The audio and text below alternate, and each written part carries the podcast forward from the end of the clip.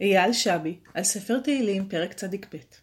צדיק כתמר יפרח, דברים לכבוד פרק צ"ב בספר תהילים. צדיק כתמר יפרח, כארז בלבנון ישגה. את מקומו של עץ הארז בפסוק אני מבין.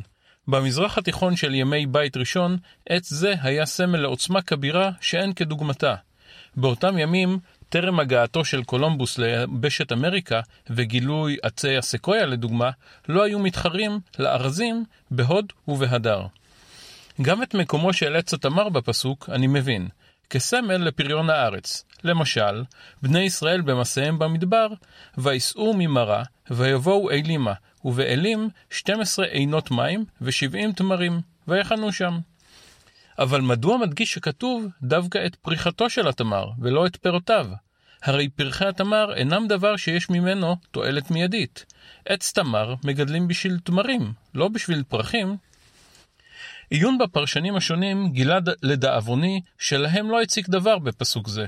רובם ככולם מתייחסים אל הפסוק בטבעיות, כאילו הפסוק מכוון אל פרי התמר ולא אל פרחיו.